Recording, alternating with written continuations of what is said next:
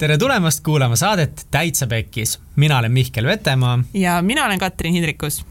täitsa Pekkis saates me räägime ägedate inimestega asjadest, mis lähevad elus pekki.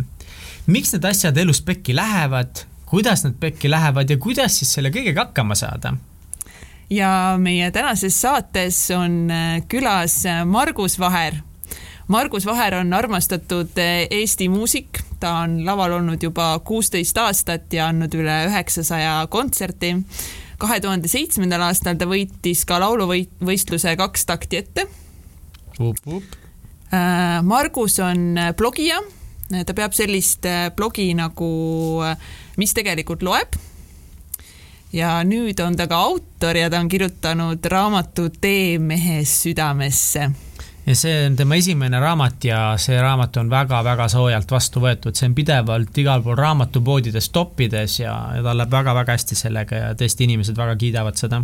ja viis aastat on ta ka koos Helen Adamsoniga käinud äh, saja viiekümnes koolis ja nad teevad sellist programmi nagu Ei kiusamisele. ja nad on selle aja jooksul siis pidanud üle kolmesaja loengu juba. jaa ja tänasel päeval teevad nad koos Jesper Parve ja Eero Spriidiga sellist vestlusõhtut nagu Mida mehed tegelikult tahavad ja neil on olnud üle kuuekümne, vist kuuskümmend kuus, midagi sellist, kuuskümmend kuus show'd juba ja see on kogu aeg peaaegu välja müüdud ja väga-väga populaarne show. ja, ja fun fact Marguse kohta, et Margus äh, ei ole kunagi purjus olnud ja, ja ta ei ole muusikuks õppinud, ta on ise kõik äh, ise õppinud, ei ole käinud muusikakoolis.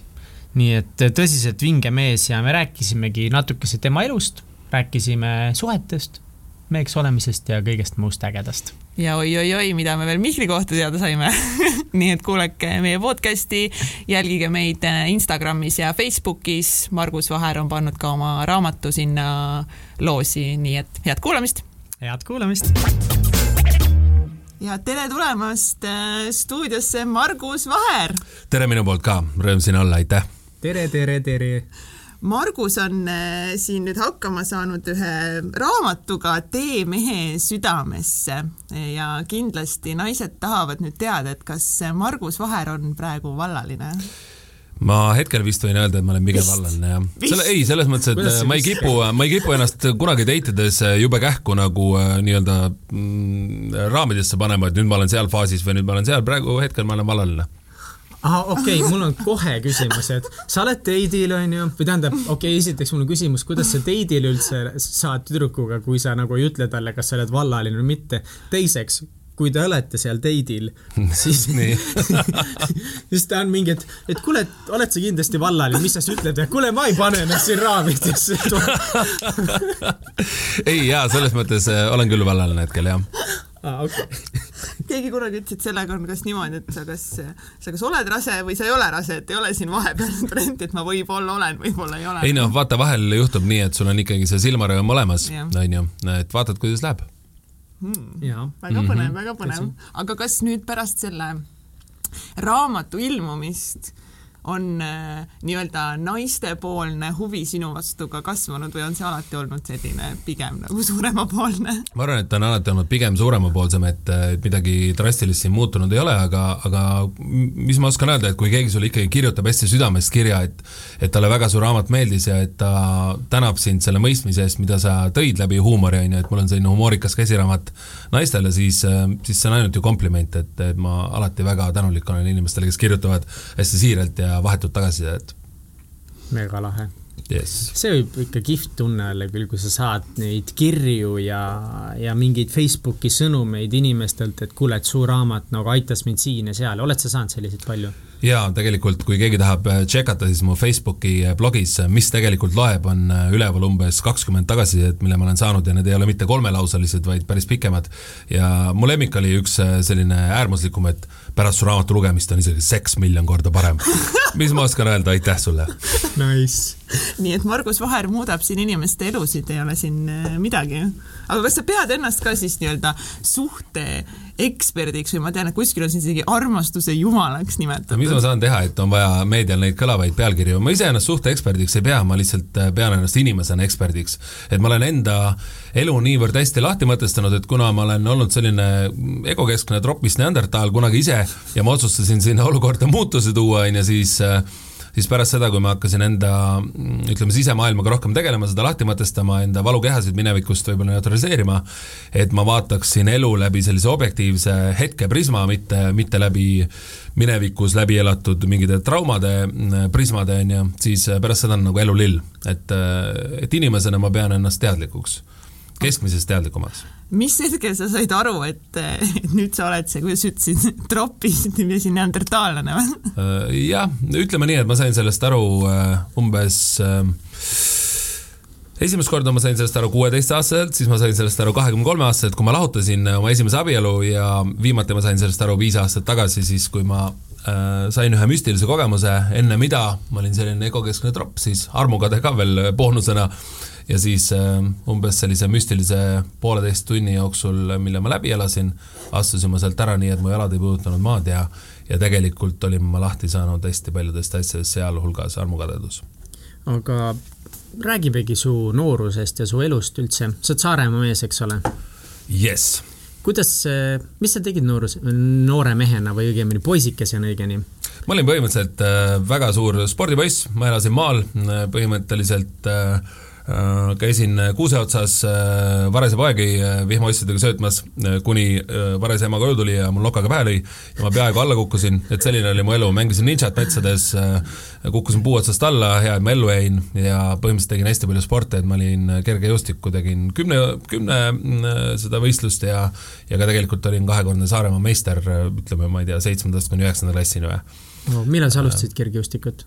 Äh, ma alustasin äkki mingi kuuendas või viiendas klassis, et see on ikka see, et sa käid koolis, meil oli hästi äge kehalise kasvatuse õpetaja, kõik vahetunnid möödus kuskil korvpalli mängides ja nii edasi, et äh, ma olin hästi selline spordilembelne, kuni siis äh, kümnendas klassis lõid tüdrukud pähe ja siis nägemissport aga kas see oligi see kehalise kasvatuse õpetaja ja see keskkond suunas spordini või sinu vanemad olid ka suured spordisõbrad? Äh,? ei, mu vanemad ei ole suured spordisõbrad, ma arvan, et see tuli kuidagi loomulikult, et äh, et mulle meeldib, et meie põlvkonnal lapsepõlves ei olnud nutitelefone, et me pidime endale ise action'it leidma, et läksimegi hommikul kell viis kalale, on ju, enne koolitundide algust äh, kuhugi, ma ei tea, mis iganes jõgi seal Kuressaares voolab, äh, kust ogalikke saab. Ja jah, seal ei olnud lihtsalt midagi targemat teha, tuli endale ise action'it tekitada kas sul oli õnnelik lapsepõlv? Äh, jaa, ma arvan küll, et mul oli väga õnnelik just, just seetõttu, et ma elasin maapiirkonnas, ma põhimõtteliselt ratsutasin sigadega, otsisin äh, kanamuna, munasid, on ju, kuskilt Sarapuu põõsast suvel ja see oli ikka väga, väga šef. ma mäletan, mu suurim äh, lapsepõlvetrauma oli see, kui kui ma olin mingi lollusega päeval hakkama saanud vist, siis mu vend sai Tuugi Stardi ja Nancy kontserdile minna ja mina pidin nina nokkima jääma koju. sest see oli mulle karistus. hirmus. sa õppisid ka sellest?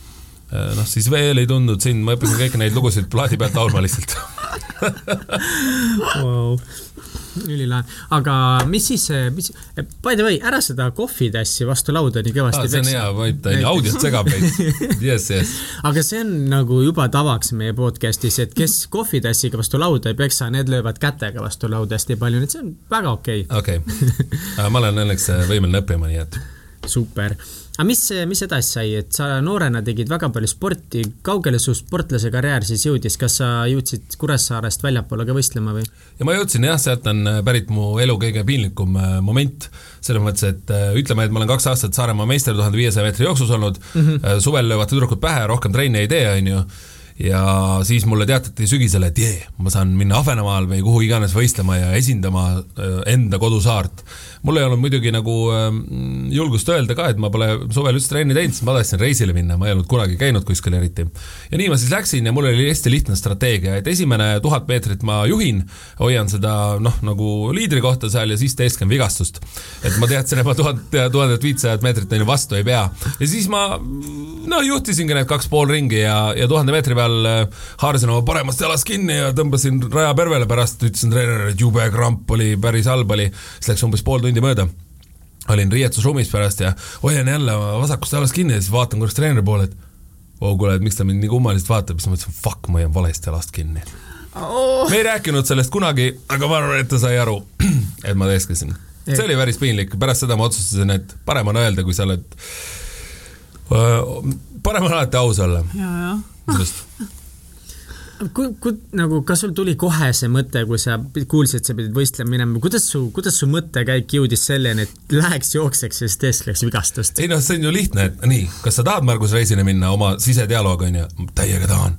Äh, kuidas sa saad reisile minna, noh, teeskled, sa oled trenni teinud ja sa oled heas vormis ja nii edasi ja nii see läks enam ma seda ei teeks, kui keegi ütleks mulle, et mine tuhat viitsajat meetrit jooksma, ma ütleksin, et sorry, et ma enam ei jookse nagu äh, alla viie minuti või neli kakskümmend kolm, on ju, et äh, nüüd vist tuleks nagu kuus kakskümmend kolm. aga tahe oli vaata ikka nii suur nagu minna ja teha, et siis ikka leiad lahenduse, noh. mõtle, saad Rootsi laeva peal olla ja elu on lill, noh. no muidugi, kui vana sa olid siis? ma arvan, et ma olin äkki mingi neliteist, viisteist no see tükk aega tagasi juba jah, siis Just. ikka reisimine ei olnud nii tavapärane jumal vinge, mäletan, kui mina sain esimest korda Rootsi minna, see oli eluseiklus lihtsalt mm. -hmm. see laevasõit ja ma olin suht väike ka veel siis, ma arvan, ma olin mingi kümme sealkandis. siis Rootsi laevadel olid need eh, pallimeri või mis asi see on. oi kui lahe seal mängida. sa oleks nagu surnud ja taevasse sattunud. ja, ja, ja nii et ma saan täiesti aru, ma ilmselt oleks ka nagu suhteliselt igast ideid välja mõelnud, et sinna saada.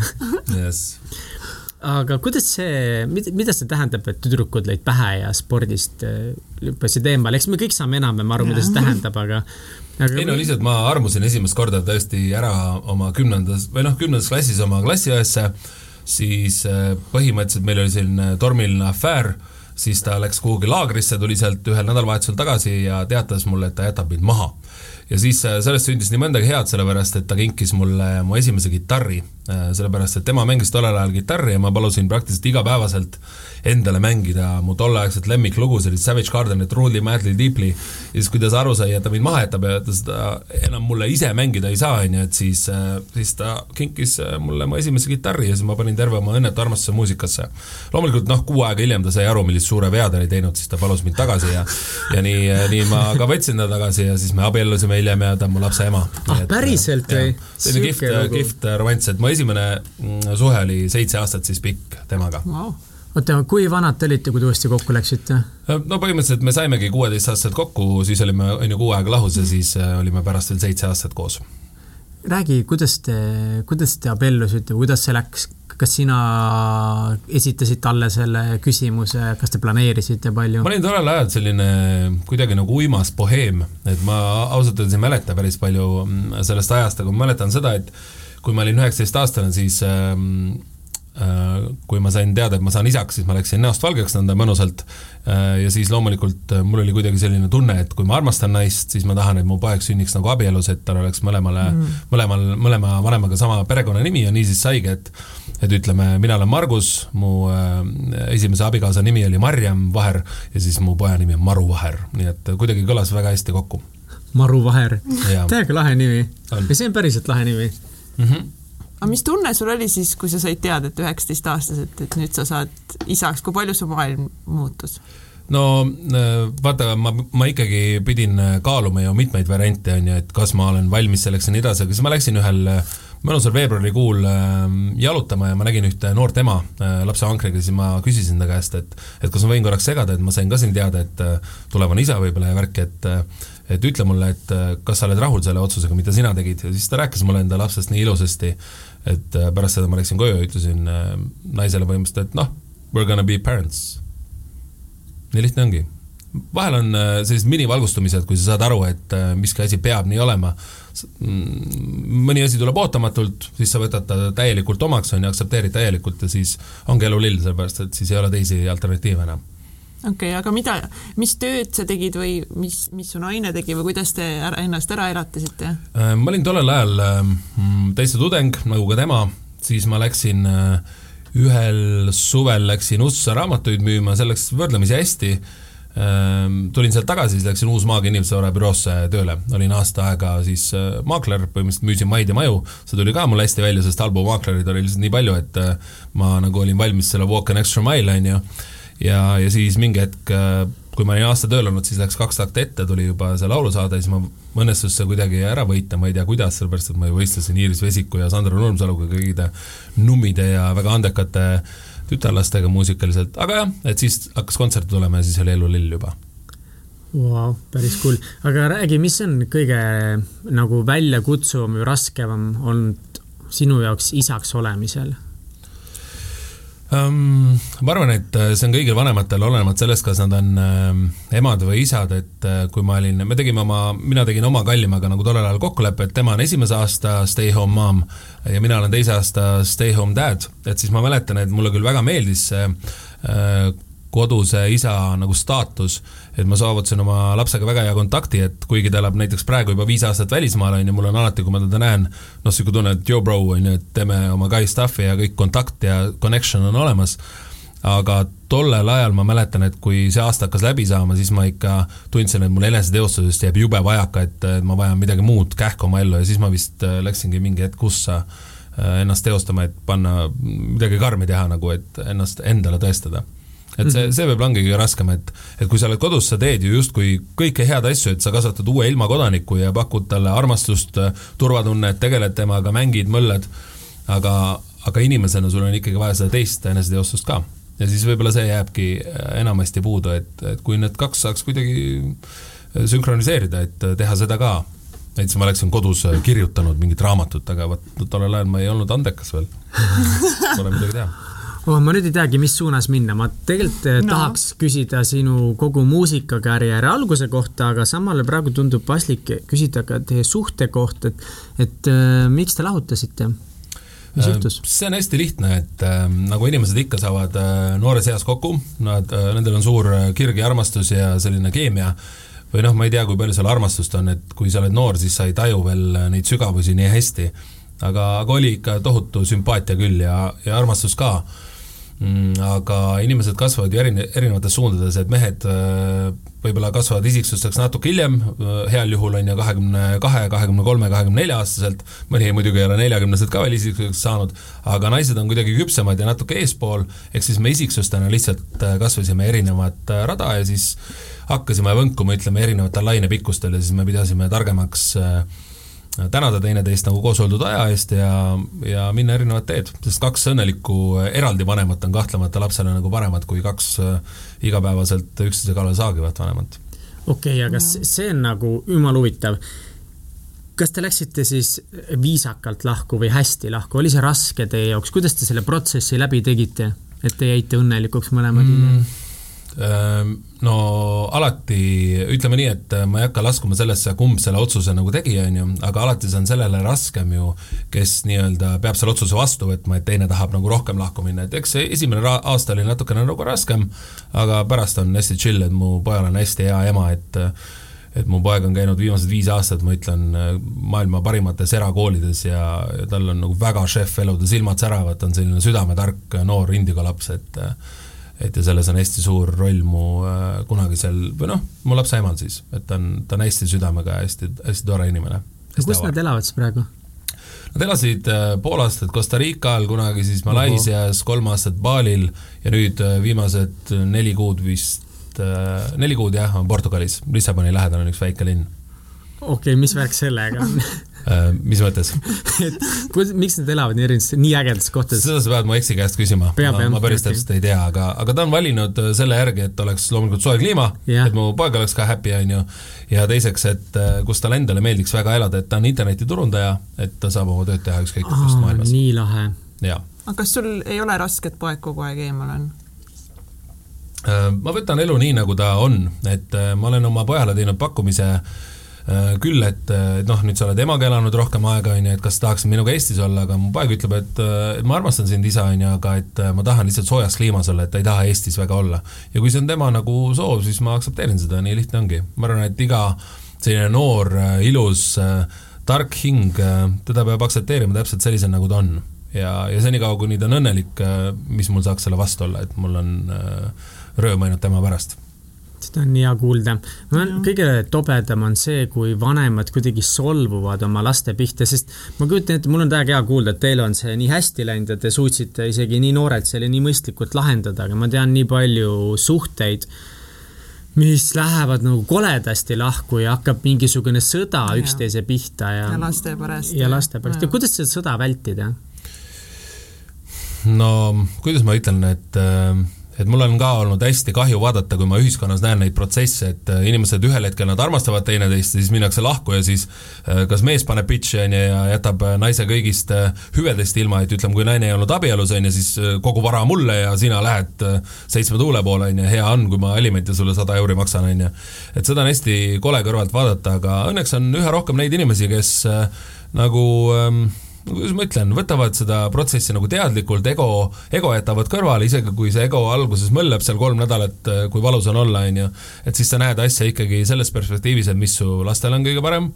Ja, ja selles ka, et see on inimene, kes on kinkinud sinule endast nii palju, et nüüd ole mees, on ju, või ole naine ja, ja nagu armasta teda vastu ka, kas või selle tänulikkuse või äh, või selle noh, kuidas ma ütlen, lihtsalt respektiga, lugupidamisega selle inimese suhtes, kellega sa jagasid voodit kas kolm, seitse, kümme aastat, äh, hoidsid teda kaisus, kui ta magama jäi, ütlesite teineteisele kõige ilusamaid sõnu, et äh, et see on lihtsalt respekti küsimus, väärikuse küsimus.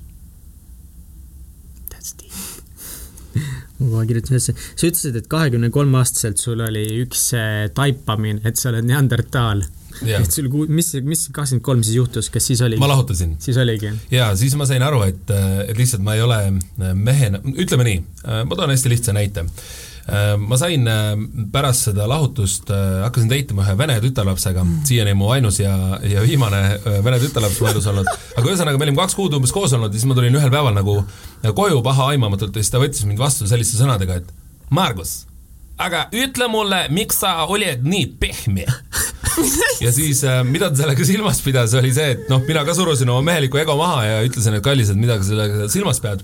siis ta ütles mulle nii armsalt, et Margus, et sina oled veel poisike, et tõeline mees teab, mida ta tahab, ta jahib seda, tõeline mees on oma tunnetega kontaktis, ta oskab äh, oma tundeid väljendada nii naisele kui ka endaga nii-öelda rahu teha ja nii edasi, et kui ta tahab äh, naist näiteks reede õhtul välja viia, on ju, siis ta mitte ei küsi, et Tebo, et tahad kuhugi minna või vaid siis ta küsib, et, et Katrin, oled sa reede õhtul kell üheksateist null null vaba? jah no vot, ja siis äh, mees ütleb, et väga vahva, ole valmis, äh, äh, kell üheksateist null null su dress code võiks olla must kleit ja kuhu ma sind viin, on üllatus.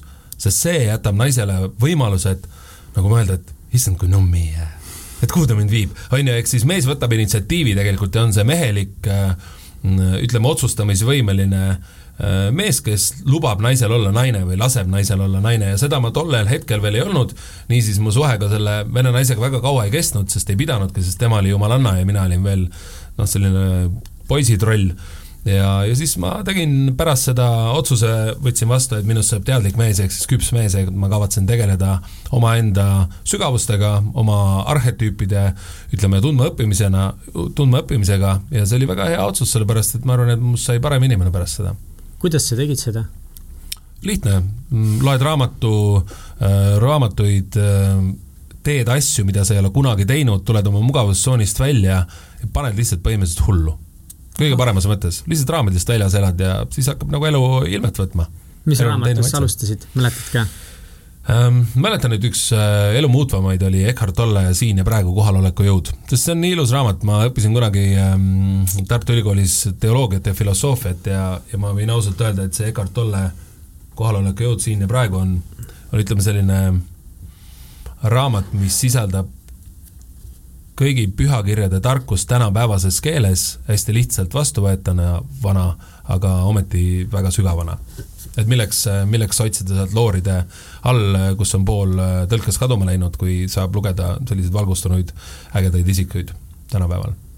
See on nagu nii lahe on kuulda seda, et, et kui vaata mingi, mingi naine nii-öelda ütles mehele, mida nagu mingeid asju. midagi muutiski, on ju. jah, ja jah, konkreetselt, et nagu midagi muutis, sest ma arvan, et nagu paljud teised mehed oleks olnud, mis asja sa ajad, et nagu ma olen, ma olen mees ja ma teen, mis ma tahan ja, ja ongi see ego küsimus, aga sina hoopis pöörasid selle hoopis teistmoodi ja see sai sinu elus. ma arvan, et inimesed võiksid teineteisega rohkem ausad olla mm., et kui sa naine oleks ka öelnud, et kuule, et Margus, et me peame lahku minema, et asi ei ole sinus, asi on minus bla, bla, blablabla, onju, siis ei oleks miski muutunud, ma oleks mõelnud nagu, et äh, ei tea, mis tal nagu viga on, oma probleem, millest ta ilma jääb, onju, ehk siis äh, tegelikult mulle hästi meeldis see, et ta ütles mulle otse välja et äh, olete märganud, et need inimesed, äh, kes on teie parimad sõbrad, nad ütlevad teile asju isegi siis, kui nad on, on inetu tõde, nad ütlevad ausalt. sest seda tulebki hinnata, sest see viib meid inimestena edasi. kui keegi teid mm -hmm. nagu hoiab põhimõtteliselt vati tupsu sees, siis te oletegi vati tupsu lapsed seda pole vaja, et see ei ole arenguks üldse nii, nii soodus pinnas ja mul tuli endal nii mitu kohta või olukorda päev, kui ma olen ise küll nagu ego on ikka ette jäänud, et kui näiteks Jeniga, mu elukaaslane on mulle öelnud mingeid asju, mis on jumala õiged, siis ikka on raske seda omaks võtta. et ma olen ikka võtnud ja ma proovin võtta, aga mõnikord see on jumala, jumala keeruline, näiteks oligi see selle aasta suvi. ma töötasin Taxify's ja ma läksin kevadel Taxify'st ära ja ma tahtsin oma, oma startup'i teha sõpradega mm -hmm. ja meil läks see perse täiega ja siis ma hakkasin mingit muud asja tegema ja suvi läbi, aga mul justkui ei olnud ühtegi kohustust. et nagu ma justkui tulin välja mingist raskest asjast, et mul oli justkui vabandus nüüd võtta rahulikult mm. -hmm. ja siis ma tegelikult ei teinud mitte sittagi ja nagu Jenny ka paar korda rääkis minuga väga konkreetselt, et nüüd on nagu aeg ennast kokku võtta, aga mul oli kuidagi, et noh, et täida oma unistuse asju ja kes mul ego jäi ikka nagu ette mingi, mis asja, mingi ma mingit täidangi ja ma mingi olengi ja kuigi tegelikult oli see, et jah, kallis, et sul on õigus, et ma olen nagu praegu väga äge naine sul, et ta ütleski nii otse välja. jaa -hmm., jaa ja, ja seal on see ka, et, et kui sinu kõrval on nagu inimene, kes tahab oma suuri eesmärke täita ja sina nagu lased oma need unistused kuidagi noh, mõtled, ah, kunagi hiljem mm., siis see tegelikult noh, see tõmbab ka teist maha, kui teine nagu näeb väga palju vaeva ja töötab kogu aeg ja sina mm. samal ajal ei tee sittagi. kuskil nurgas samas on, minu meelest on äh, väga ilus ütlus, see Buda ütlus, et, äh, et äh, kui keegi teeb sulle kingituse, aga sa seda vastu ei võta, kellele kingitus jääb? noh, sulle ju on ju, kui keegi seda vastu ei võta. ehk siis mm -hmm. põhimõtteliselt on nii, et kui keegi sulle ütleb midagi kehvasti, siis kui see ei ole tõsi, miks sa peaksid seda südamesse võtma, kui ta ütleb sulle midagi nagu ausat, mis on tõsi siis äh, miks sa peaksid solvuma, tee sellest omad järeldused ja õpi sellest, on ju. ehk siis hästi, hästi ilus on see, et teisi tasub kuulata küll, aga ennast tasub muidugi kõige rohkem kuulata. sest äh, inimestel on tohutult palju arvamusi, mida rohkem sa julged asju teha, on ju, mida rohkem sa teed asju, seda rohkem mõtted, suhteekspert, hea laulja vähemalt. no sellist nagu tänitamist tuleb nii palju, aga, aga kui sa saad aru nagu mingil hetkel, et, et sina armastad seda, mida sina teed ja neid äh, äh, nii-öelda noh, las koerad hauguvad ja karavan läheb ikkagi edasi, et et äh, see on nagu Justin Bieber, et tal võib olla pooled inimesed maailmas justkui nagu vihkavad teda, pooled armastavad, on ju, aga tegelikult nad kõik on ta suurimad fännid, sellepärast et need inimesed, kes kritiseerivad, annavad sulle sellega väga palju feimi ja tunnustust. jah, mhm. aga kui sa said aru, et sinu elus peab nagu midagi muutuma, mis olid veel need sammud või mis siis päriselt elus muutus peale selle, et sa hakkasid äh, raamatuid lugema ja endaga tegelema? Ma otsustasin mingi hetk lihtsalt, et ma tahan, et maailm jääb minust äh, maha parema paigana kui, äh, kui see, kui ma, kui ma siia sündisin.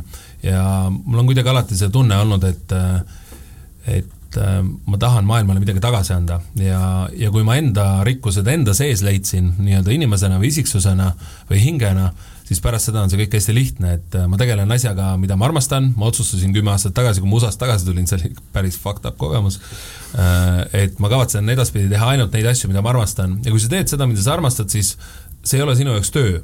Ma võin olla vahel kakskümmend neli tundi kodust väljas, tulen tagasi täiesti rampväsinud, aga ma tulen nagu fuck yeah, täna oli chill päev nagu. Noh, et äh, et sul ei ole miski elus raske ja siis on kuidagi ähm, kuidagi elu on, kulgemine on nagu hästi õnnelik, sest sa oled kogu aeg täitunud ja siis sul on see, seda, mida jagada, on ju.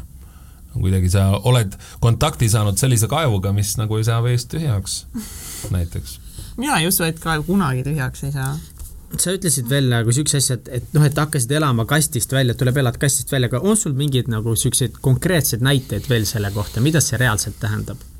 okei okay, äh,, viis aastat tagasi, kui ma ütlesin, et ma olin armukadaja neandertal ja tropp, on ju, siis äh, ma sain oma müstilise kogemuse pärast, mida ma otsustasin, et minust saab yes man. ehk siis ma kavatsen teha kõiki asju, mida ma kunagi kritiseerinud olen. enne seda ma olin väga selline hinnanguline inimene, kõik on mustvalge, hea, halb, on ju, moraalne, amoraalne ja pärast seda ma, ma nägi, näiteks tegin äh, äh elus oma esimesed sigaretid, ma ei olnud kunagi teinud, no täitsa chill, chill asi, on ju, proovisin oma esimesed kokteilid, sest ma ei olnud kunagi alkoholi proovinud. ei toimi minul alkohol kuidagi, et ma hea meelega heas seltskonnas nagu äh, tarbin võib-olla pokaali veini, on ju, aga ma ei ole kunagi neist purjus olnud, mul ei ole seda lihtsalt vaja. ja, ja kui tuua veel näiteid, et kuidas oma raamidest välja tulla, tead, kuidas üheksakümmend protsenti Eesti meestest on nagu, et kuule, et jõu, et ma ei oska tantsida nagu, et äh, ei, ei, mine sa tantsima, tšikk, on ju, kui tahad. aga tegelikult, mida mina tegin, läksin äh, tollel ajal Class'i ja tantsitasin läbi seal iga viimse kui tütarlapse, kes tollel õhtul oli.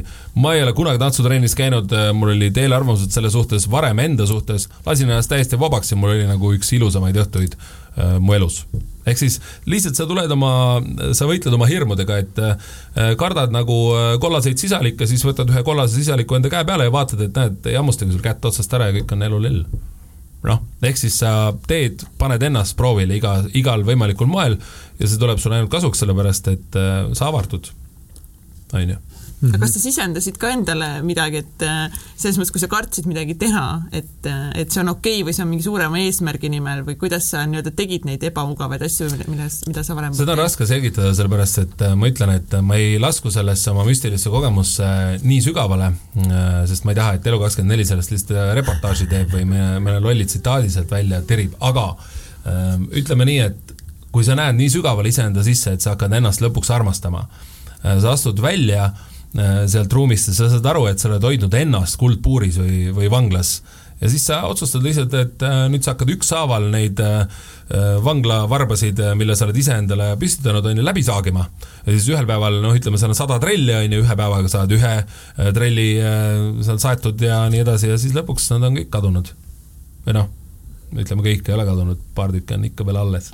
Aga see on okei okay., mul on veel loodetavasti elada no natukese.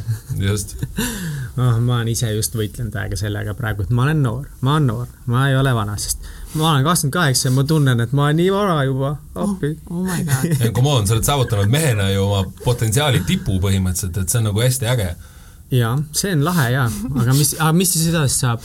mis edasi saab? nüüd sa hakkad nagu veel küpsemaks muutuma, et ütleme äh,, sisemus süveneb loodetavasti, kui sa endaga tegeled, on ju, mhm. jujitsu hoiab nagu vaata, nagu sa ütlesid, et sa mhm. teed, on ju, hoiab kehavormis mm, -hmm. lõpuks sa oled noor jumala valmis, noh super.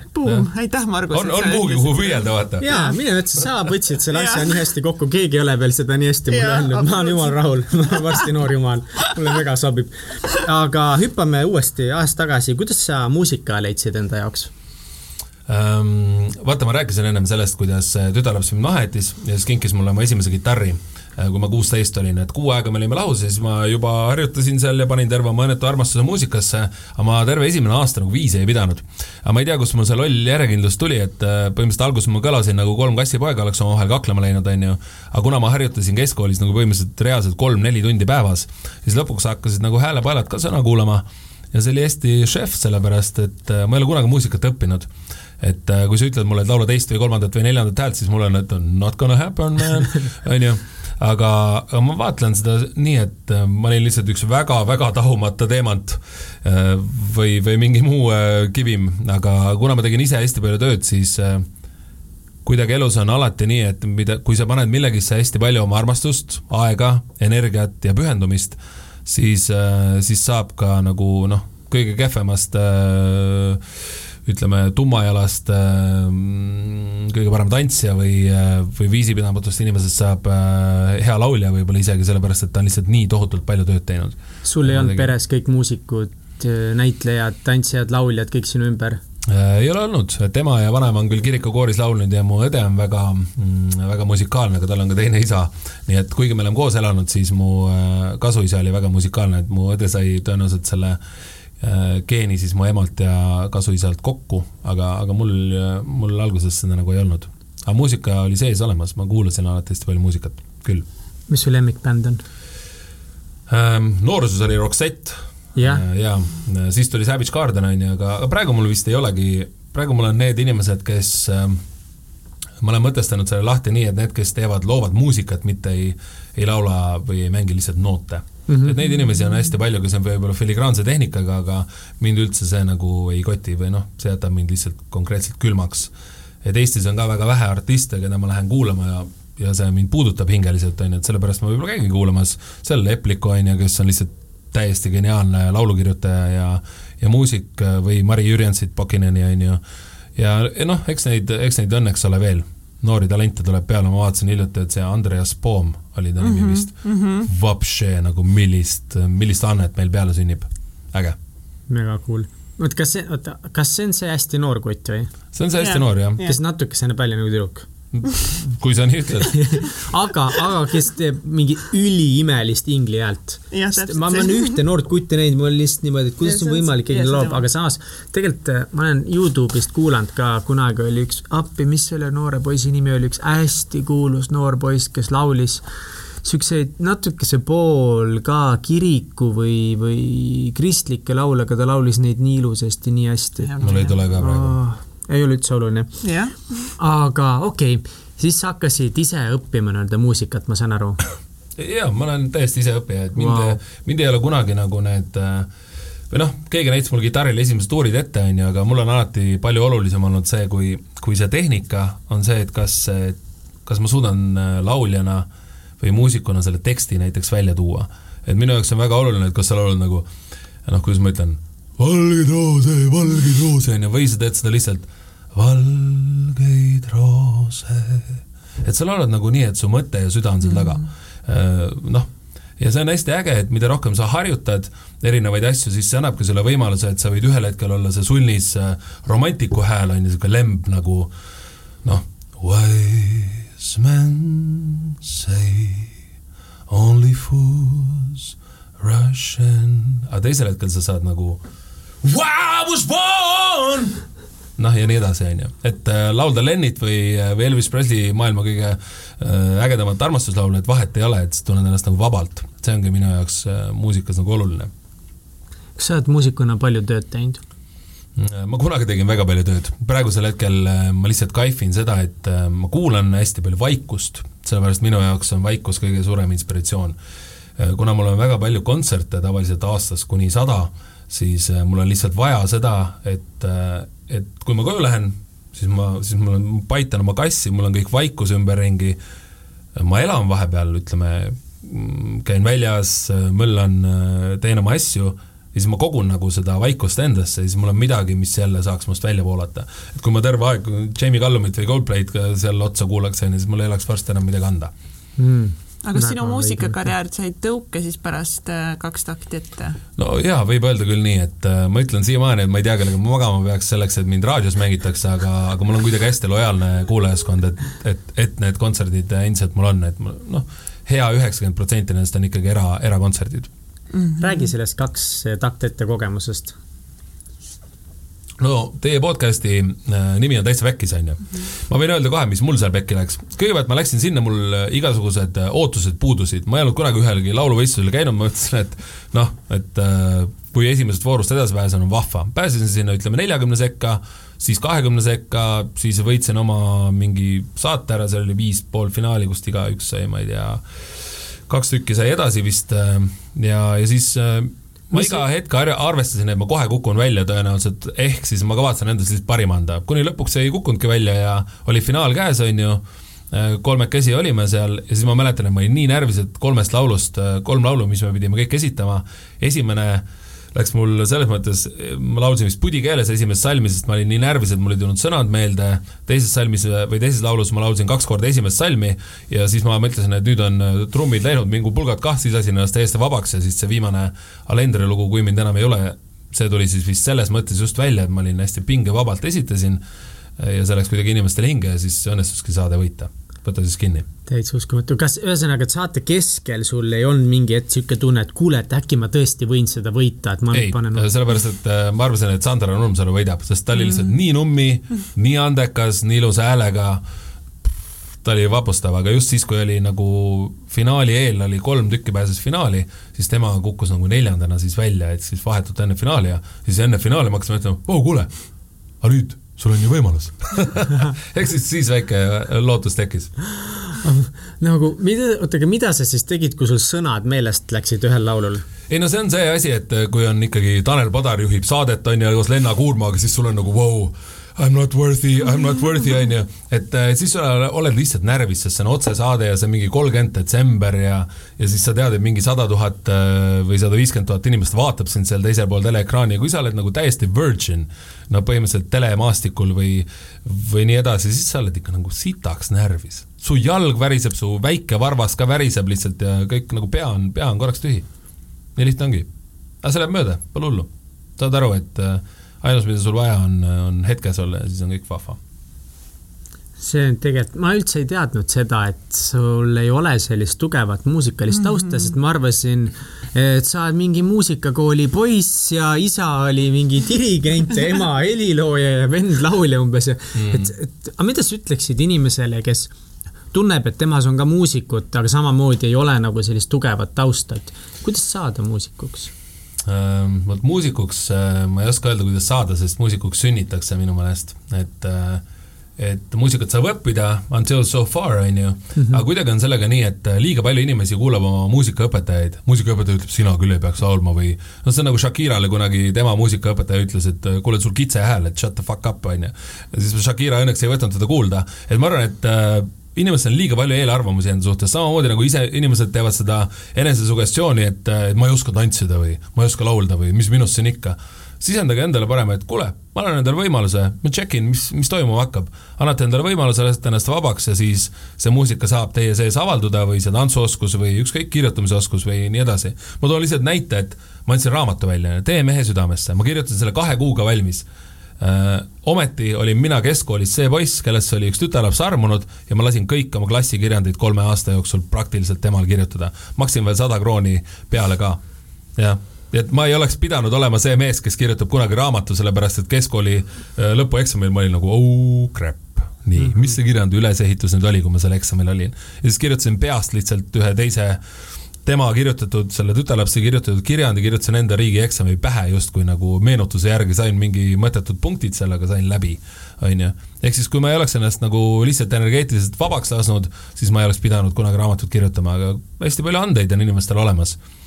lihtsalt äh, ärge seage endale ise piire, seal ei ole pointi. aga kas sa mingil eluetapil tehes äh, muusikat tundsid, et äh, et see on, et see on raske või see ei ole nagu ikkagist see, millega sa peaksid tegelema? ei, ma ei ole kordagi seda tundnud mm. -hmm. ma ütlen nii, et äh, muusika on minu jaoks nagu õhk, ma teen seda nii või naa, kas äh, mulle kunagi helistatakse enam või mitte, kui mul, kui mulle ei helistata ja ei kutsuta kontserti andma, siis ma teen seda enda jaoks ikkagi äh,. aga siiamaani pole seda ette tulnud, et inimesed endiselt hindavad seda, mida ma teen ja selle üle mul on väga hea meel. aga samas, kui peaks ükskord äh, äh koitma see päev, kus keegi mulle enam ei helista, on ju, siis ma tean, et inimestes on lihtsalt väga-väga palju erinevaid andeid olemas, siis ma praktiseerin või teostan ennast läbi mõne muu ande lihtsalt.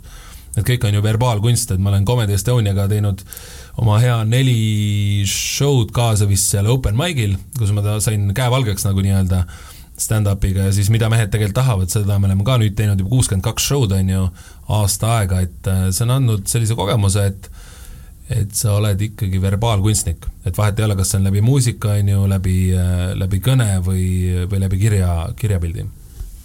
nii et nii-öelda sinu nagu muusiku teekond on olnud suhteliselt kas siis nagu stabiilne ja tõusujoones, et või on olnud ikkagist nagu selliseid hetki, kus, kus sa tõesti tunned, et võib, võib-olla see ei ole lihtsalt see, millega sa peaksid nagu igapäevast tegema. mul ei ole kordagi seda tunnet olnud sellepärast, et ma esiteks ei piiritle ennast sellega, et ma igapäevaselt hullult tegelen sellega, on ju, sest kontsert on minu jaoks pidupäev alati, mille eest ma saan esmaspäeval arve kirjutada ja pidu, on ju. Äh, aga teiseks on see, et ma lihtsalt armastan seda, et kui, kui ma mingil hetkel peaksin hakkama tundma muusika suhtes nagu nii, et ma teen seda raha pärast, vot siis ma jätan kontserdid katki.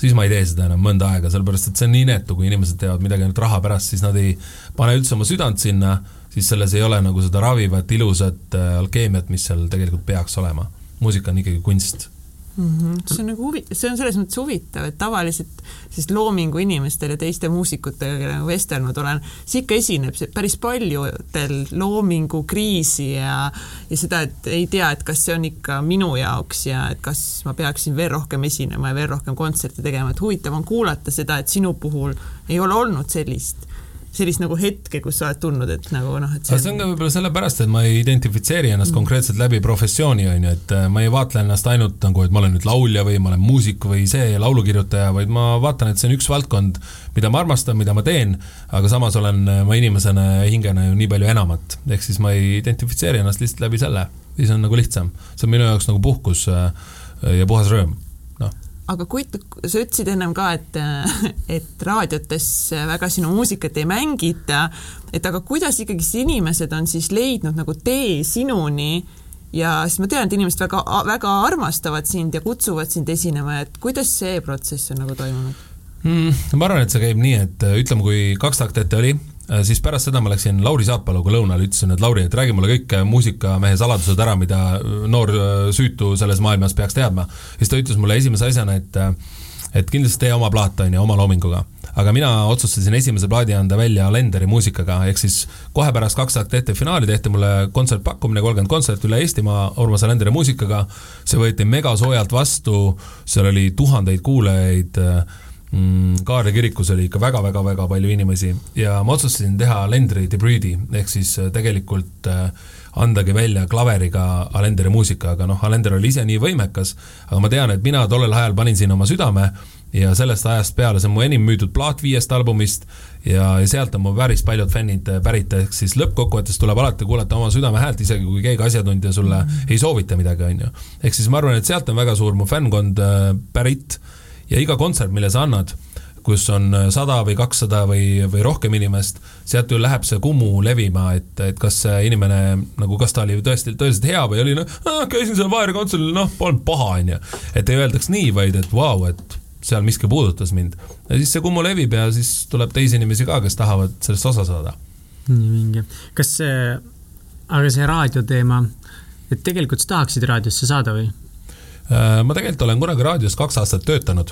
Äh, ma ikkagi ei pannud seda enda, ma olin äh, Maian Kärmasega tegin Vikerraadios ühte saadet ja, ja pärast tegime ühte muusikasaadet veel teine aasta ka, aga anyways, et muidugi tahaks, kes ei tahaks, aga mm, kõigil on oma aeg, ma üldse ei kiirusta. järelikult ma ei ole teinud sellist muusikat, mis hetkel äh, raadios jube hästi peale läheks või, või mu isiksus äh, on kuidagi vastukarva pai mõnele muusikatoimetajale. ma tõesti ei tea, mis see põhjus on, aga ma ka ei muretse selle pärast, sest kui inimene teeb midagi väga südamega, siis tegelikult on mul ju kõik väga hästi. et mul üks äh, raadio DJ just hiljuti ütles, et et okei okay,, et siin tõesti raamat või noh, nagu raadios ei mängita ülipalju, aga tead, et on neid inimesi, keda raadios mängitakse väga palju, haibitakse, aga kelle laivid on kehvad mm. või kellel on vähe laive, et see, kui sul on äh, kaheksakümmend kuni sada kontserti aastas, et noh, sa võiks endale enda sees nagu ausamba püstitada, siis ma sain aru, et tegelikult on kõik väga hästi. ja siinkohal räägiks äh, ühe, ühe loo, mis ma arvan, läheb sellega hästi kokku, et äh, no ma pole kunagi nagu teadnud otseselt, et millised on nii-öelda Margus Vaheri lood, et ma tean, et see on Margus Vaheri lugu, aga ma olen alati, mis mulle sinu puhul ongi meeldinud, sinu ehedus ja sinu hääl ja sinu kohalolek. ja kui ma hakkasin ühte heategevussaadet oma esimest tegema ja ma pidin siis paika panema need äh, artistid, keda ma sooviksin, kes tuleksid siis laulma, seal olid siis Aleen Vesiko, tahtsin Margus Vaherit, äh, Tanel Padar ja Keter Jaani, onju. -hmm helistasin mina siis Margusele. Margus muidugi kohe lahkesti oli nõus, muidugi kõik asjad teeme ära, ta-ta-ta-ta, kõik on meil kokku lepitud, onju. ja nädal aega enne salvestust siis heliseb telefon, vaatan, no Margus Vaher helistab. ja, et tšau, Margus. kuule, Katri, nüüd on nagu jama see, et ma ei saa tulla. siis okei okay,, et noh, selge, et nagu noh, mis juhtus, Margus, et nagu okei okay nagu sorry, et ma ei saanud juuksuri aega ma siiamaani ei suuda seda uskuda. see ei olnud mina, ma arvan, et see oli mu kuri kaksikvend, kes tahtis mul lihtsalt käru keerata ma, ma olin mingi okei okay, Markus, ei, aga oota, et nagu ma võin sulle nagu sebida juuksuri aja või mida, ei, ei, sa ei saa aru, mul on nagu kindel juuksur, kelle juurde ma pean minema. mis aastal see oli huvitav? aitäh elule, kas kaks aastat tagasi? kaks aastat tagasi umbes, jah ja umbes. täitsa uskumatu, ma arvasin, et ma olin siis juba normaalne. nähtavasti ei olnud ja sellest ajast peale ongi kõige, sa räägid, Margus Vaher on see, see juuksemees mul tõesti väga üli, üliraske uskuda, sest see ei käiks nagu minuga üldse, üldse või kokku. siis see oli, või sul oli mingi muu põhjus ja lihtsalt sa leidsid mulle selle vabanduse, et sa ei saa juuksurisse minna. no Ühes nii nagu kehv vabandus, et no, see, see, see, see, see, ma arvan, et see pidi olema päris jah. päris olema, see on ikka sitt vabandus aga jaa, siis saab alati, et no ei no muidugi nagu Margus ei saa ju tulla kaamerat ette niimoodi, et ta on juuksed lõikamata tema juuksuri poolt, et nagu me kõik mõistame ikkagi seda, sest ta on Margus Vaher ma tõesti ei tea ja ma vabandan äh, tagantjärgi sellise lolli äh, vabanduse eest ja et ma, et ma siis kohale, kohale ei tulnud, aga vähemalt ma helistasin nädal aega ette, onju, mitte tund aega enne salvestust. midagigi. ja midagigi, aga ma loodan, et me tulevikus äh, saame teha mingit projekti koos, sest tõesti sinu energia. proovin seekord parema vabanduse välja panna juba läks pekki ära millega sa seekord üllatad mind, Margus mm.? kas soengud on sul olulised? Äh, mitte eriti, aga, aga selles mõttes, et noh, artistina on lihtsalt oluline, et kui sa lähed kaamera ette, siis ikkagi väga palju inimesi näeb sind ja et sa oleksid nagu noh, ei oleks nagu kolmandat päeva joonud nägu peas, onju et noh, mitte ma ei jookse, on ju, aga lihtsalt näi-, näitena. aga see on huvitav, et sa ei joo, see on väga lahe Alen Vesiku jutt ei vasta sada protsenti tõele, ta rääkis meile, et äh, muusikute elu on selline täpselt nagu filmides välja näeb. ilmselt ta pidas see, silmas palju kokaiini ja palju alkoholi. erand kinnitab reeglit, see vanasõna meil praegu siin mm. -hmm. ma olen see, ma olen see bad apple, see must lammas valgete lammaste seas, mis teha, olen eluaeg olnud. aga noorena ka sul ei olnud seda soovi mingi pidu panna ja juua sõpradega? null, ma, ma ütlen, ma olen alati natuke selline üksik hunt olnud, et et mind on huvitanud elu müsteerium äh, oma olemises ja, ja mul kuidagi ei ole vaja neid meelemürke, et tuimestada lihtsalt ennast, sellepärast et mulle meeldib kõigeni jõuda oma teadvusega, sest siis see kuidas ma ütlen, et kõik äh, auhinnad, mida sa saad nii-öelda oma teadvusega mingisse seisundisse jõudes, nad on püsivad. Ja seal ei ole seda, et korraks tõmbad üles, siis tuleb pohmell nii-öelda ükskõik mis elunähtusest, on ju, vaid, vaid sa oled pidevalt üles ja sa ei kuku enam üldse alla kas sa mediteerinud oled? ma mediteerin iga kord, äh, kui ma teen muusikat, sest siis mu ego lakkab olemast ja, ja ma olen lihtsalt universumi instrument. ma eraldi niimoodi, et uh, nii, lehmasaba, lehmasaba, lehmasaba, mhm. on ju, nagu midagi ette, ette konkreetselt ei kujuta mm, -hmm. et keskendun ainult ühele asjale, minu jaoks on mediteerimine on kõige suurem medite-, meditatsioonid minu elus on armatsemine mm, -hmm. muusika tegemine või ükskõik mis teine tegevus, mida sa teed tõsiselt kirglikult niimoodi, et sa äh, sulad seal sinna sisse ära, et sa mitte ei tantsi, vaid sa saad tantsuks selleks hetkeks mm. -hmm. ma arvan, et üks elu võib-olla õnne või eesmärke peakski olema leida endale midagi sellist, mida sa just kirjeldasid mm -hmm. ja et kui see oleks see, mida sa saad nii-öelda noh, iga päev nagu teha või võimalikult mm -hmm. palju. see on sinu jaoks nagu puhkus, see on, äh, sa täidad ennast sellega, on ju. Mhm. jah sa kujutad ette küll, kui sa seal äh, jujitsus mingit G-d liigutad, on ju, siit-sealt lööd ühe väikse sõrmega mingi läbi, ma ei tea, kolmesentimeetrise laua, on ju, et, äh, et see energia kogumine ja noh, sa oled seal kokku puutunud, see on hästi äge ju, on ju. no ühtegi lööki tegelikult jitsis ei ole, aga, aga me kägistame okay. palju. aa noh väga, väga, väga vahva alternatiiv aga kas sa joogat oled teinud? ma ei ole kunagi joogat teinud ma nagu mm, siiani ei ole -hmm. ma ei mhm. saa öelda, et see mulle huvi ei paku, aga alati, kui ma olen püüdnud painutada, siis tead küll inimene, kes ei ole ennast kunagi painutanud ega sirutanud, siis, siis ta alguses tunneb, et oh, not gonna happen. selles mõttes mm, -hmm. et see on alguses nii raske lihtsalt, et ma ei ole vist seda äh, piiki ületanud nii-öelda, et ma, et ma jaksaks sellega piisavalt kaua tegeleda, et see muutuks minu jaoks nauditavaks, mitte lihtsalt äh, selliseks hädaoruks, kui ma ennast venitan ja mul valus on. aga kas sa raamatuid loed palju? Äh, jah, ma loen raamatuid palju, ma põhimõtteliselt iga hommikut alustan kuskil äh, omletti süües kuskil kohvikus ja raamatut lugedes, eile just ostsin endale Michael Newtoni äh, Hingerännak on mu üks viimase aja lemmikraamatuid, viimase paari aasta avastus, aga praegu ostsin endale Hingesaatuse ja siis Tiina Tiitus andis just välja sellise raamatu nagu Armastuse varjatud saladus.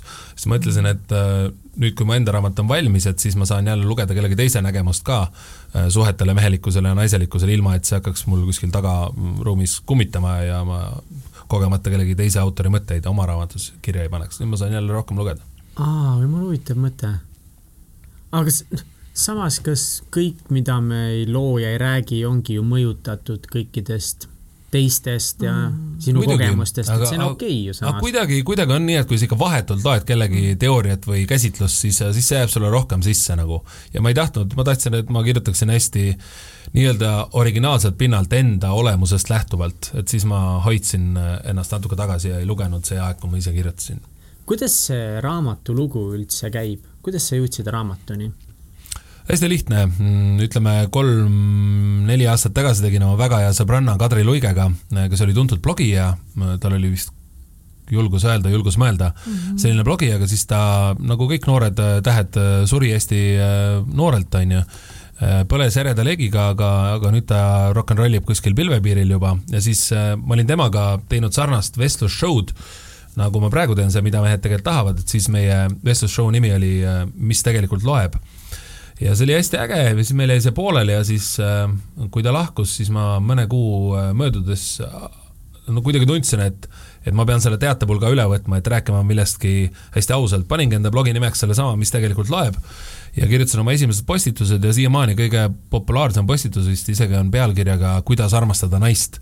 Ja siis äh, paari aasta jooksul kogunes sinna isegi kaks korda rohkem järgijaid kui mu muusikulehel on ju, et kui mu Margus Vaher Official lehel on seal mingi kolm-neli tuhat fänni, siis mu blogil on juba üle kaheksa tuhande. ja siis mingi hetk aasta tagasi, kui kirjastaja mulle helistas, et äh, tšau, Margus, et äh, tahan, et sa kirjutad mulle järgmisel aastal raamatu, siis ma ütlesin jah.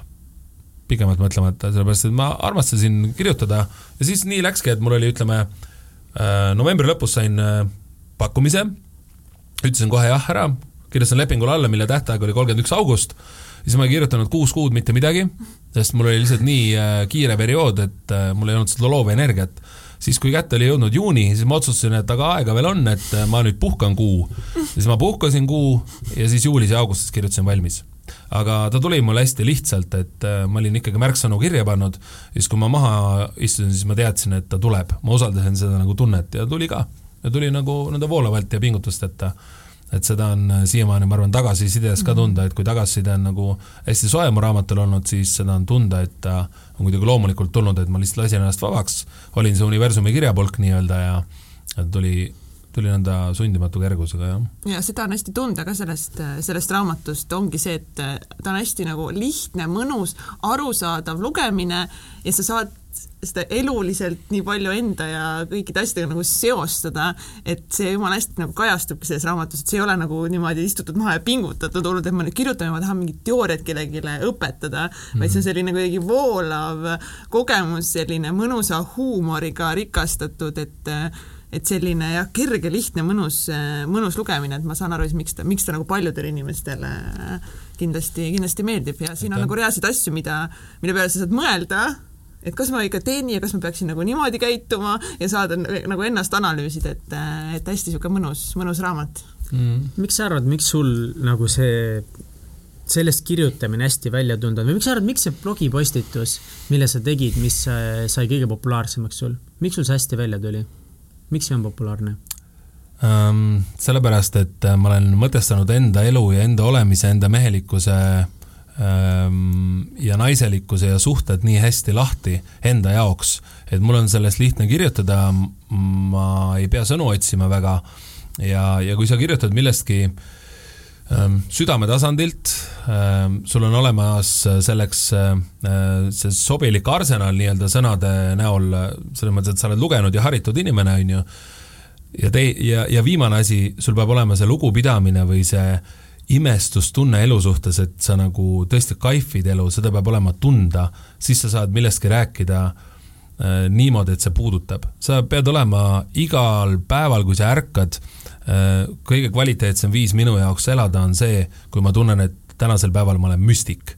ehk siis äh, on väga suur vahe, äh, kas ärkab üles miljonär kes tunneb, et tal on nii palju veel saavutada, ta ei ole oma eluga rahul, tal on depressioon, sellepärast et ta trofeenaine jättis ta maha ja tal ei ole veel sadat miljonit pangaarvel ja ta on õnnetu, või sa ärkad üles äh, palmi all, sul on äh, kolm last, viis kana ja kolm kassi, on ju, ja sul ei ole pangakontol palju midagi, aga sa oled lihtsalt õnnelik. ehk siis kõik on suhtumise küsimus. minu jaoks on armastus nagu seisund, kui ma olen selles seisundis siis ma kirjutan niimoodi, et see puudutab. nii lihtne ongi. keda sa armastad praegu? ma armastan kogu universumit, ma armastan ennast, äh, eelkõige ma näen, et iga inimene on kõige paremas mõttes nagu see ähm, kuidas ma ütlen, liivatera rannal, et ta on nagu unikaalne oma olemises, aga ometi on ta nagu kõik teised ja paljud teised.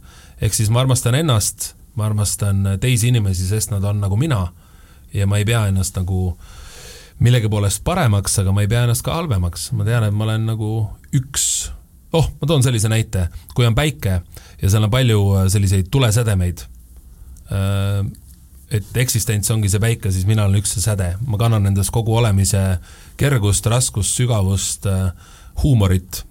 Ja kui ma seda kannan, siis milleks ma peaksin veel saama, miks ma ei või olla totaalselt rahul sellega, kes ma praegu olen aga kuidas ma saavutan selle, ma tahan samamoodi tunda. no aga mm, hinged on oma, kuidas ma ütlen, arengustaadiumis ju nii erinevas äh, kohas. et äh, tasuks nagu kõigepealt kaardistada vist see, et kes ma olen. kui sa esitad selle küsimuse endale, tavaliselt inimesed hakkavad ju alati siis äh,, kuidas ma ütlen, defineerima ennast läbi töö. noh, ma olen äh, Parklepa on ju seal põhikooli lõpetanud ja, ja siis läksin sinna tööstustehnikumi ja nüüd ma olen, on ju see ja too ja kolmas. ma küsin, kes sa oled. ma ei küsi, mida sa teed, on ju. kui inimene oskab vastata, et nagu Ernst Enno kirjutas kunagi tohutult ilusa luuletuse, et mille pealkiri oli Mina.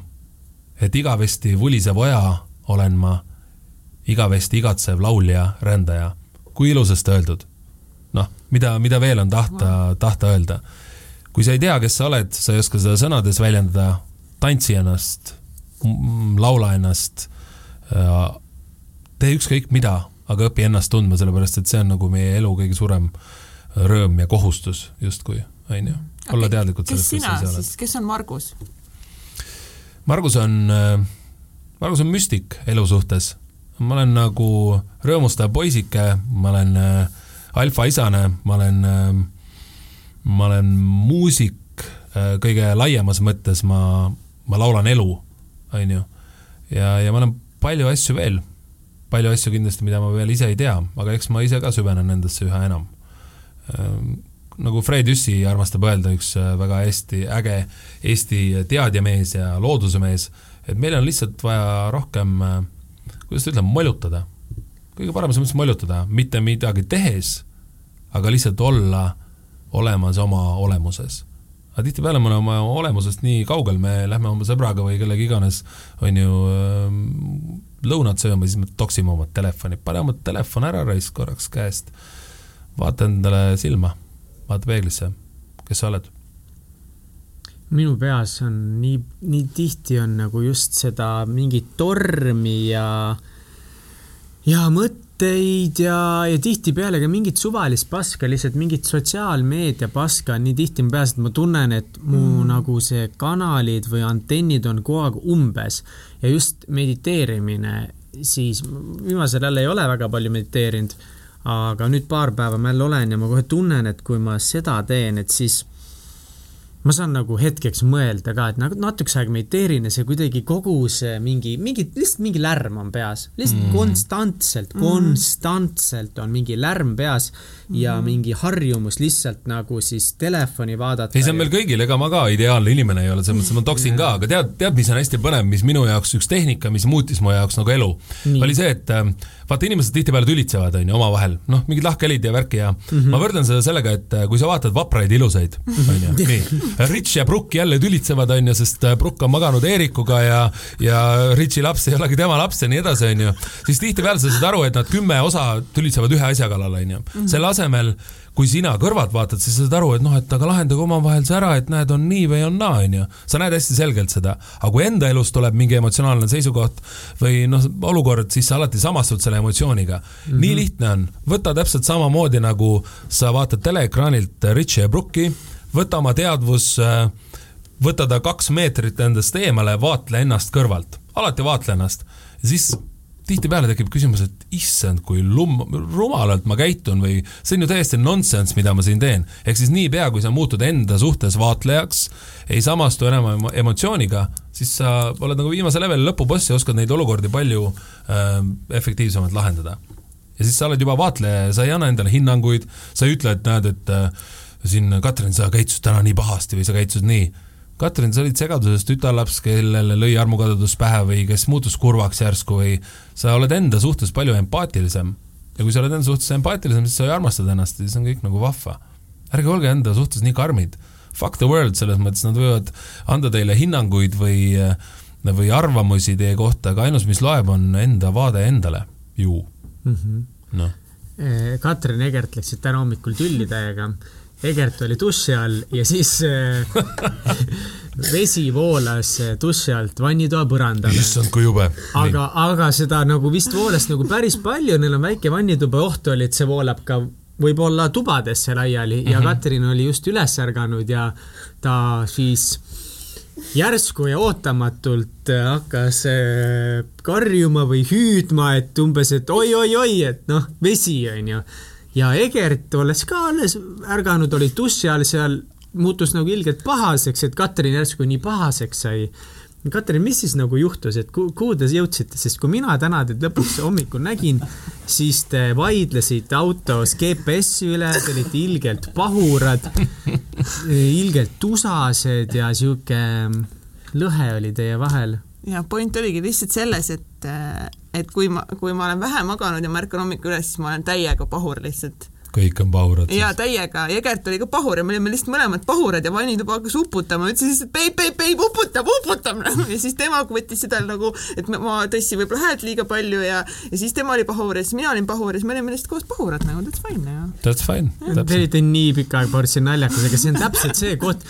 kus sa kõrvalt vaatad seda olukorda see on nii koomiline nagu, see on nii jabur, aga nemad olid tegelikult, nad olid autos ikka nagu väga pahased üksteise peale ja see energia oli väga kehv, aga see on väga fine. pahased nagu ma Okei, ei okei. ma arvan, et see on nagu võib-olla, ongi, ma arvan, kõrvaltvaatajale tundub see hullem. okei, no võib-olla sest ma olen ka puhul. vahepeal vaadanud, kuidas, kuidas sa mingi nähvad mingi Mhm. Jennile mingeid asju mm, -hmm. ma olen ka mingi issand jumal, aga tegelikult nagu teie vahel ma arvan, et see ei ole midagi hullu. ei no nagu, ikka on, pigem kui me ikka nagu nähvame üksteist, see, see ei ole eriti tavapärane meie puhul ja see on ikka, on kehv. noh, kummal siis parem suhe nüüd on? kas ma võin kohtunik olla? ja sa, ma, ma, Margus Vaherile anname selle kohtuniku nuia. ma tahtsin just selleni jõuda, et, ma arvan, et jah, et kui sina kõrvalt vaatad, siis sa Jah. nagu ka võid mõelda, et issand, kui tobe nagu Ja, ja, ja. ongi, No kui ma ise sama, proovin ja, meie olukordasid kõrvalt vaadata, siis see on nii hea mõte lihtsalt, ma just ütlesin, et kui ma kõrvalt nüüd vaataks Ja. neid, siis ma oleks küll nagu Mihkel nagu halloo. no aga elu on nagu jumalik tants või mäng, see ongi äge. jah, peaasi, et neid asju ei võta nagu nii, nii tõsiselt või kui sa tead, et see hetk nagu möödub, kõik möödub, vaata mm -hmm., noh. ei noh, vaata sellega on alati see, et, et kui mina olen käitunud tropisti, onju, siis ma nagu vaatan pärast, et hmm, päris tropisti käitutud, okei okay,, päris põnev. võtad kõike nagu kogemusena, onju, et senikaua, kuni sa teistele tegelikult väga liiga ei tee ja endale ka liiga ei tee, siis eh, noh, naudi kogemusi, sa ei pea kogu aeg Merry fucking sunshine olema, onju, oledki pahur troll hommikuti, mina olen ka, mu õde helistab mulle, jaa, onju, see on nagu vahva, see on nii inimlik, inimlik on nagu ilus. ma ei tea, ma ei ole nõus. ma ei ole nõus sinuga No Margus Vaher.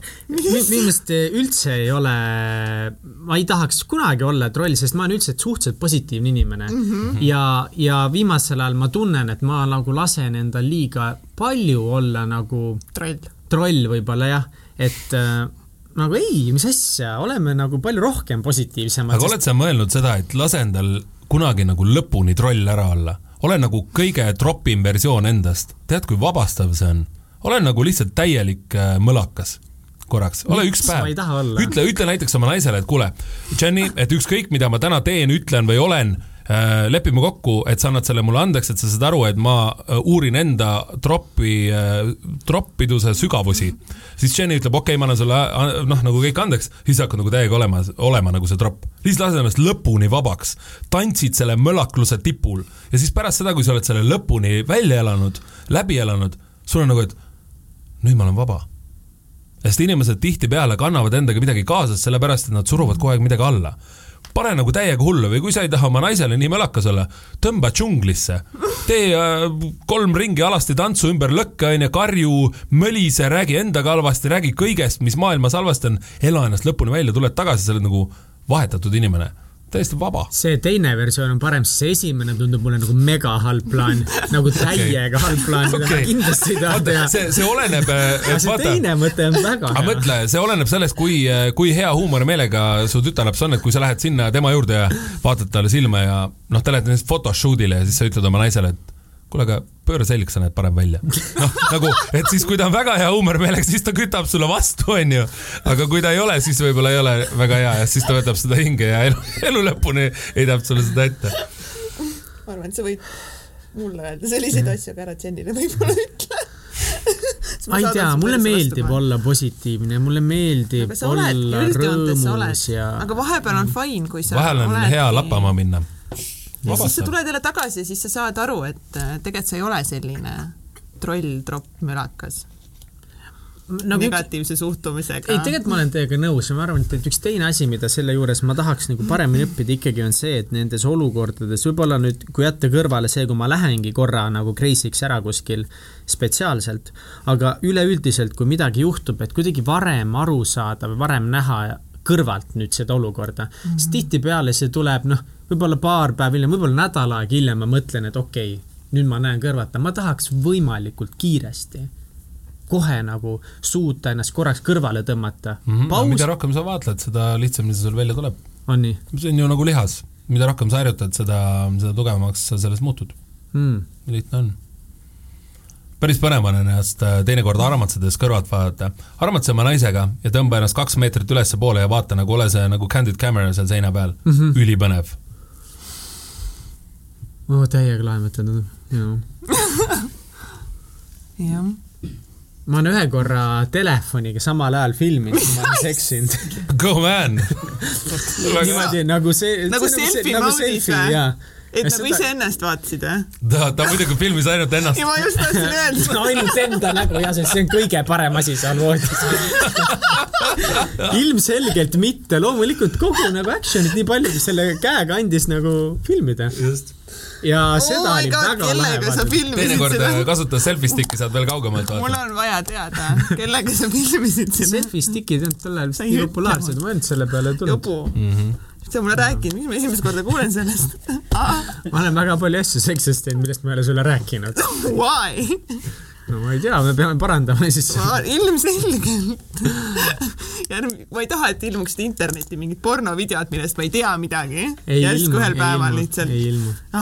Need on, need on, kõik on kustutatud kusjuures. Need jäävad alatiseks kuskile, nii et jäävad ikka, okei okay,, anyway. kes sinu äh, selline hea sõber on, kellega sa kõige rohkem saad jagada oma mõtteid mm,? ma arvan, et mu vend, äkki vennaga ma olen kõige vabameelsem, vaata saab kõike nagu ilma filtriteta rääkida, sest me mõistame teineteist mm -hmm.. ükskõik kui robustselt või otse või siiralt või äh, naljaga me midagi ütleme, siis me nagu riidime teineteist äh, poolelt sõnalt. millega tema tegeleb? firmajuht põhimõtteliselt. okei okay. mm. -hmm. sõnadega väga osav müügimees oh.. müügimees, aga sina oled ka müügimees. sa oled nagu tuleb välja väga hea müügimees.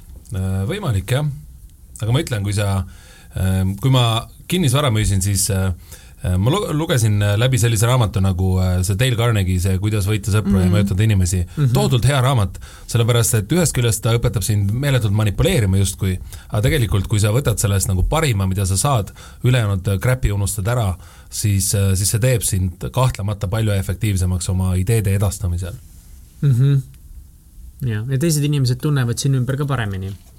ma usun küll, näiteks ma toon alati selle lihtsa näite, et kui äh, Katrin tahab mingit ideed äh, läbi suruda, aga näiteks oletame, et tal on ilge tropist nagu ülemus Mihkel, on ju, ja, ja kes üldse ei taha nagu, et noh, et mingi äh, ütleme, sa oled veel šovinist ka, ütleme, et Mihkel bossina on šovinist, on ju, et mingi blond tütarlaps tuleb ja ütleb talle mingi hea idee, siis Katrin kasutab hoopis seda strateegiat, tuleb Mihkli juurde, et küsib, et aga mis sa sellest asjast arvad, siis Mihkel räägib oma idee oh,, issand, see on sul nii hea idee, mis sa arvad, kas me võiksime seda ja seda, seda ja seda teha?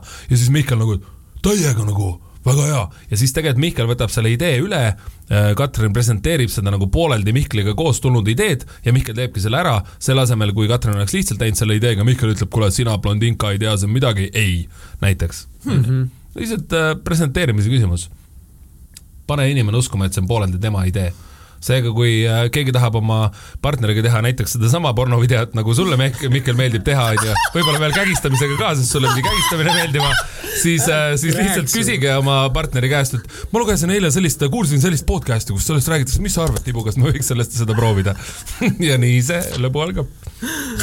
Oh my god ja oh my god ja ma lihtsalt ennem rääkisime Elu kahekümne neljast, siis õnneks me ei ole veel nii kuulsad aga kui me oleksime, siis oleksid täpselt need pealkirjad, mida Margus just ütles. oota, las ma pakun mõnda pealkirja. täitsa pekkis, Mihklile meeldib naisi voodis kägistada. aga see ei vasta tõele, mulle meeldib pealkiri juba olemas. see ei oma tähtsust, et nagu siis, siis kui see, siis kui see ei vasta tõele, siis tuleb sinna lõppu lihtsalt küsimärk. aa, küsimärk, jah, jah. see ei huvita kedagi, kas see vastab tõele või mitte, sest Just. nagu müüdud juba pealkirjad müüvad. aga ma tahaks puudutada ühte teemat, et sa raamatus ka hästi palju räägid, kuidas, kuidas meestega nii-öelda paremini hakkama saada, millised strateegiad võib-olla kasutada, kuidas läheneda ja nii edasi ja nii edasi, onju, et suhe oleks parem. minu küsimus on nagu see, et millal või kuidas aru saada, et nüüd, et see suhe peaks nüüd lõppema, et et seda ei ole mõtet enam kuskilt nagu parandada ja, ja otsida mingeid lahendusi, sest ma tean, et inimesed paraku ja ma ise olen ka seda varasemalt teinud, püsivad suhetes, mis tegelikult ei toimi liiga kaua no see on ju hästi lihtne, et äh, kui sinu jaoks mõni asi ei toimi ja sa ütled oma, kommunikeerid seda oma partnerile, et äh, et tead, Katrin, et mulle tõesti ei sobi see, et sa nagu magad üle kuu nagu teiste meestega, onju. ja et kui ma olen äh, vihjanud sellele, onju, et sa võiksid seda käitumist muuta, aga sa kavatsed olla minuga täiesti, et ei, that's not gonna happen, onju, või ma täiega püüan, aga sa ikka teed seda iga kuu, siis ma ütlen, et Timo, et nüüd on see prooviaeg läbi, et tšau, pakaa noh, milleks, ma, ma imestan alati nende naiste üle, et mees ütleb äh, näiteks naisele koht, kok, kokku saades juba, ma olen alkohoolik äh,, mul on see halb viga, mul on see halb viga, mul on see halb viga, mul on see halb viga. Ja siis naine on seal nagu, issand, aga ma saan teda ju täiega muuta. kas naised tegelikult mõtlevad nii? jaa, või ta, ma olen noh. no, jaa, nagu jaa. sa loodad, et sa saad seda piinatud geeniust ju murtud tiivaga lindu muuta onju. ja, sest see tundub nagu siuke põnev väljakutse ka iseenesest. Nagu, mina ju ja, suudan, mina ju suudan seda meest muuta. tegelikult ei suuda, tegelikult on jumal perses, aga, aga seda saad alles siis teada, kui sa oled kõik need nipid ära proovinud.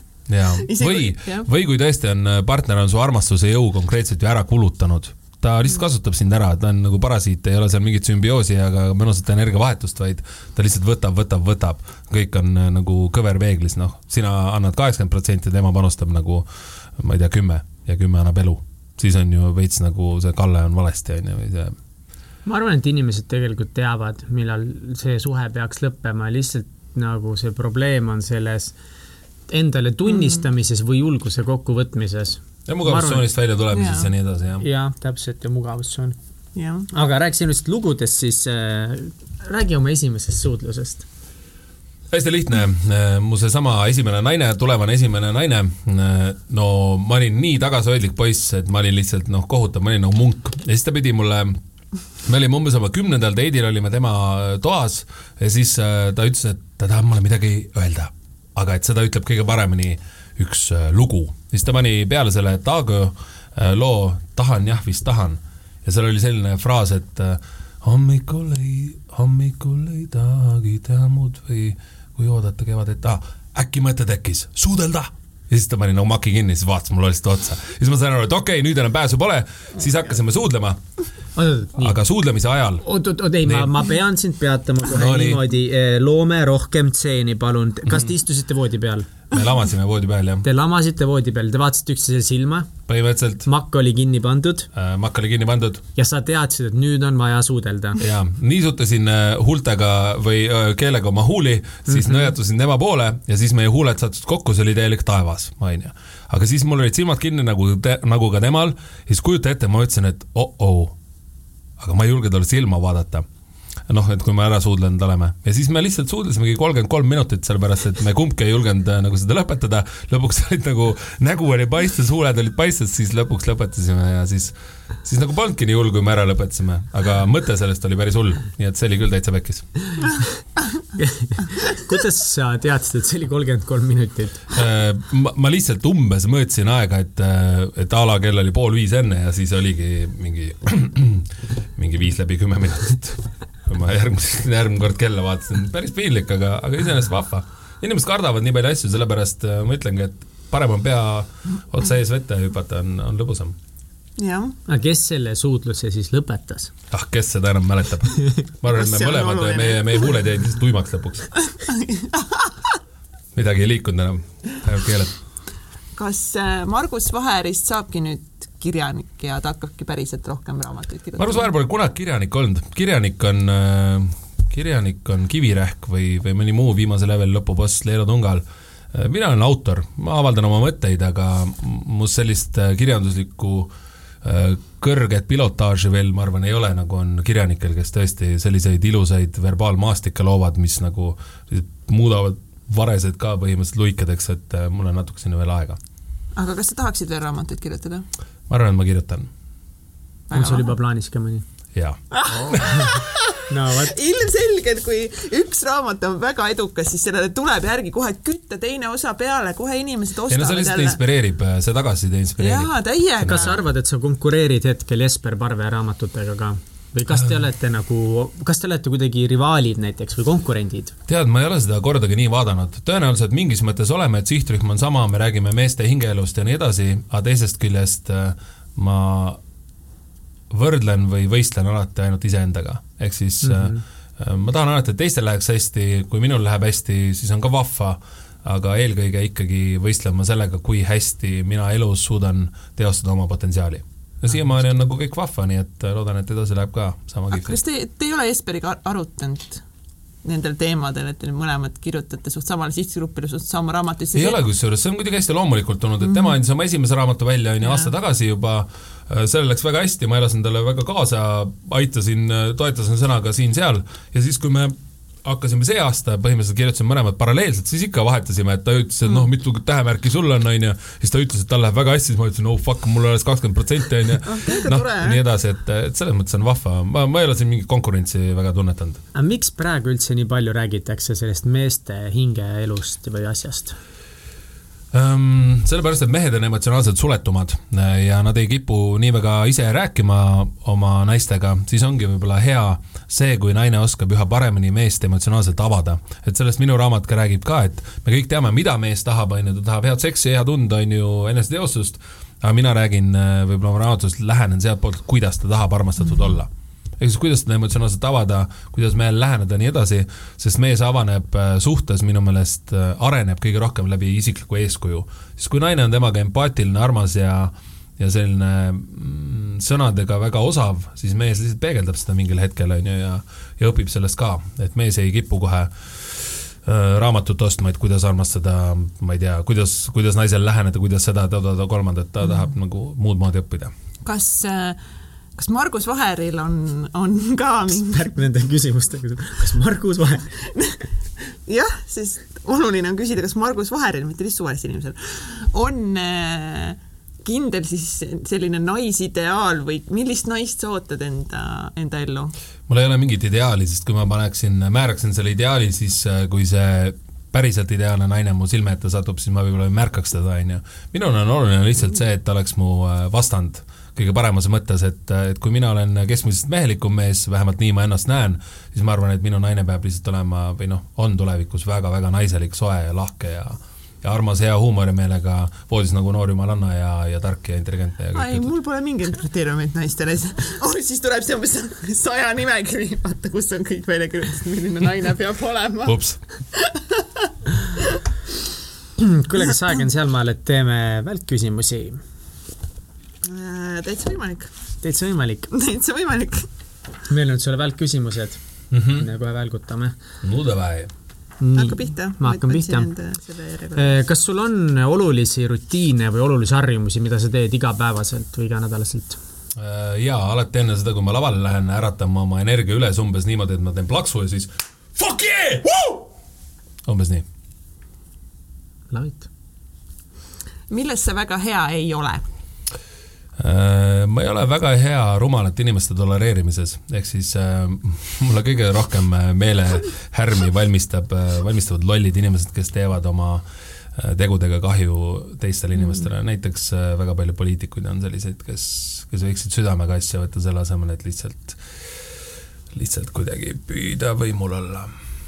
aga kas sa siis lähed nagu nende nagu kuidas see ärritab sind või kuidas sa ütled, sa ei tolereeri neid või kuidas see nagu ei noh, tegelikult ta nüüd nii väga ei ärrita mind, ma arvan, et iga inimene äh, või iga rahvas väärib tegelikult oma valitsejaid ja, ja ainus, mida mina teha saan, et seda olukorda muuta, on tegelikult alati kõik asi, mida inimene üldse teha saab, on see isiklik revolutsioon. pange relvad maha, ei ole vaja võistelda, kui sa oled kellegi vastane teed Savisaare vastast kampaaniat, siis sa tegelikult teed Savisaarele mm. on ju reklaami. et lihtsalt äh, muuda ennem äh, harmooniliseks omaenda siseilm ja siis kõik muu maailm tuleb järgi. mille üle sa oled kõige uhkem oma elus? kõige uhkem äh, ma olen selle üle, mm, et ma olen leidnud selle, mida ma armastan, ehk siis ma võib-olla täidan inimesena oma sellist rolli või äh, või ülesannet siin äh, maailmas hingena nagu päris hästi, sellepärast et ma tegutsen valdkonnas, mida ma armastan. ja see on ainus, mida inimene peakski siin ilmas tegema. siis ta areneb kõige kiiremini. mis on kõige pöörasem asi, mis sa elus teinud oled ja kas sa teeksid seda uuesti? Vot see ei kannata praegu siin eetrit, sellepärast et muidu Elu24 tuleb päris, päris mahlakas. kuule, Elu24 ei tea meist mitte midagi. muidugi, muidugi ei tea, muidugi ei tea. see on, Alen vastas täpselt samamoodi, piip-piip, ma ei saa teile mitte midagi rääkida. seda rohkem ma tahaks teada, mis värk on. ja siis ma tahaks teada veel, et kui ei eksisteeriks Elu24, milline vestlus meil veel siis hoopis oleks?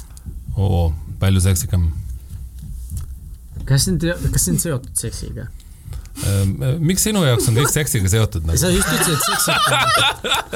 sellepärast, et sa just ütlesid, et siis oleks meil vestlus seksikam ei, see ei oleks, ma arvan, sellega seotud, on, on teisi valdkondi ka, kus saab väga crazy olla.